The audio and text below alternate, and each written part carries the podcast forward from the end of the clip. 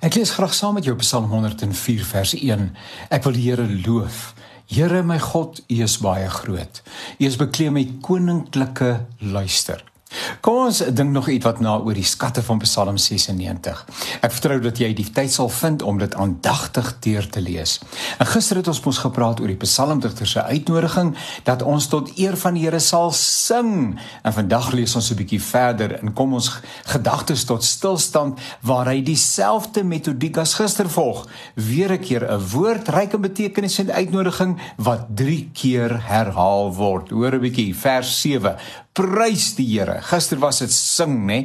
Prys die Here alle volke. Prys die Here om sy eer en mag. Prys die Here om die eer van sy naam. Om die Here te prys is om hom die erkenning te gee dat hy groot, besonder, onvergelykbaar en uniek is. Dit is om in dankbaarheid na hom te kom en jou lof te verklank.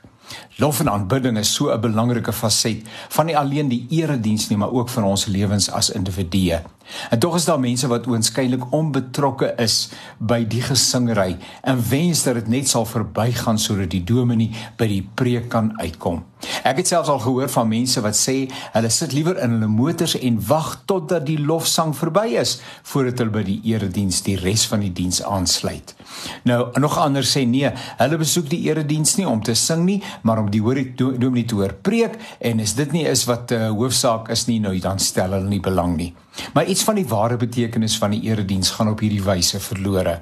Ons gaan nie na die byeenkoms van God se kinders om iets te kry nie. nee, ons gaan om iets te gee. Ons gaan om saam met ander feeste vier, ons dank te verwoord en ons afhanklikheid te bely. Die prediking, die boodskap, hoe belangrik dit ook al is, is bonus. Trouwens, goeie geestelike liedere en daar is soveel merkwaardige liedere wat ryk is aan inhoud, uh, kan 'n mens natuurlik geestelik opbou. Dis tog niks anders as evangelie wat gesing word nie sou 'n mens oplet na die woorde en die betekenis wat deel vorm van die lied, dan behoort 'n mens reeds so vervuld en geseën te wees dat jy maar huis toe kan vertrek nog voordat die dominee gepreek het. Baie gemeentes is geseën met begeesterde musikante wat met moeite voorberei vir die erediens van Sondag. Ag, ek is ook een van daardie musikante wat soms daar voor sit en die lofprysing begelei vanaf die klavier en dan kan 'n mens so ontmoedig raak as die gemeente oënskynlik traag meedoen aan die lofprysing. Ek maak nou sommer 'n algemene opmerking, nê. Nee.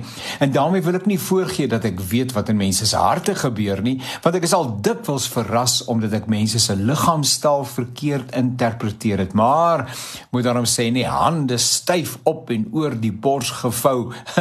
Dit lyk op die oog af so bietjie onbetrokke. Nietemin om met liggaamsbewegings die Here te prys is Bybels en inspirerend. Hand wat na bowe wys, nê. Nee. Hande wat selfs klap wanneer daar ritmies gesing word.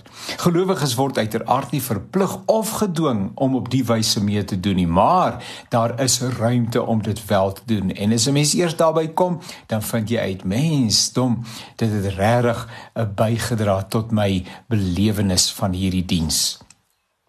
Die digter sê prys die Here. Trouwens, hy sê dit 3 keer agter mekaar. So wanneer laas was jy deel van 'n feesvierende skare wat die Here onbeskaamd prys?